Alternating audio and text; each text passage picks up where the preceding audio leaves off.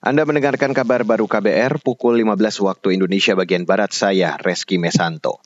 Saudara Wakil Presiden Maruf Amin memberi penjelasan mengenai alasan Presiden Joko Widodo terus menambah jumlah kursi wakil menteri di kabinet.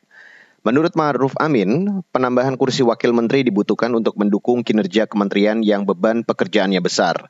Misalnya, Kementerian Dalam Negeri yang menangani masalah di semua daerah. Ia mengatakan penambahan posisi wakil menteri itu merupakan hak penuh Presiden Joko Widodo. Ya, saya kira kan itu perlu amen apa tidak, itu kan disesuaikan dengan kebutuhan, volume pekerjaan. Saya kira Presiden sudah mempertimbangkan kementerian-kementerian mana yang volume pekerjaannya besar.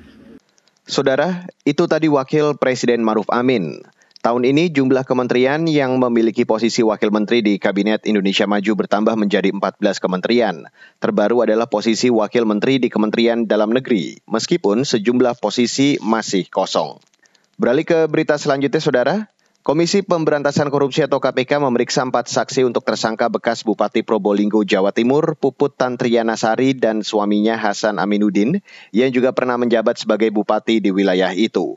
Juru bicara KPK Livi Krim, empat saksi diperiksa untuk mendalami kasus dugaan suap dan gratifikasi seleksi jabatan di lingkungan pemerintah Kabupaten Probolinggo. Hari ini tim penyidik KPK mengagendakan pemeriksaan terhadap empat orang saksi dari pihak swasta dan tempat pemeriksaan dilakukan di Gedung Merah Putih KPK di Jakarta. Tentu perkembangan dari hasil pemeriksaan ini akan kami sampaikan setelah memastikan bahwa para saksi hadir dan telah diperiksa oleh tim penyidik KPK. Hari ini tim penyidik KPK mengagendakan pemeriksaan terhadap empat orang saksi dari pihak swasta dan tempat pemeriksaan dilakukan di Gedung Merah Putih KPK di Jakarta. Tentu perkembangan dari hasil pemeriksaan ini akan kami sampaikan setelah memastikan bahwa para saksi hadir dan telah diperiksa oleh tim penyidik KPK. Saudara itu tadi juru bicara KPK Ali Fikri. Dalam kasus ini, tim KPK menggeledah 12 kantor dinas di pemerintah Kabupaten Probolinggo, Jawa Timur dan menetapkan 22 tersangka.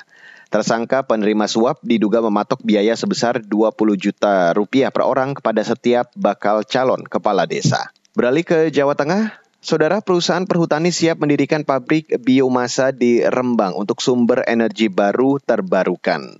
Informasi selengkapnya saya ajak Anda untuk langsung bergabung bersama reporter radio jaringan Musyafa dari Radio R2B Rembang. Musyafa.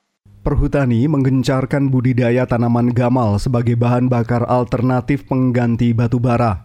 Bahkan pihak perhutani memastikan akan mendirikan pabrik biomasa di Kabupaten Rembang, Jawa Tengah.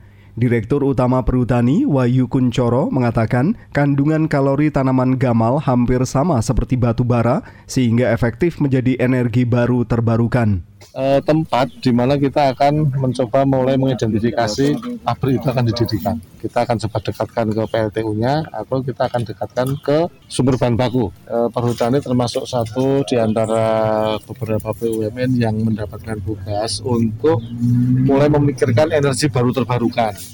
Wahyu Kuncoro, Direktur Utama Perhutani. Wahyu menambahkan pabrik biomasa akan dibangun tahun 2022 ini. Jika melihat kesiapan tanaman, ia menargetkan pabrik sudah siap beroperasi akhir tahun. Musyafa, R2B Rembang melaporkan untuk KBR. Baiklah, saudara, itu tadi laporan reporter radio jaringan Musyafa dari Rembang, Jawa Tengah.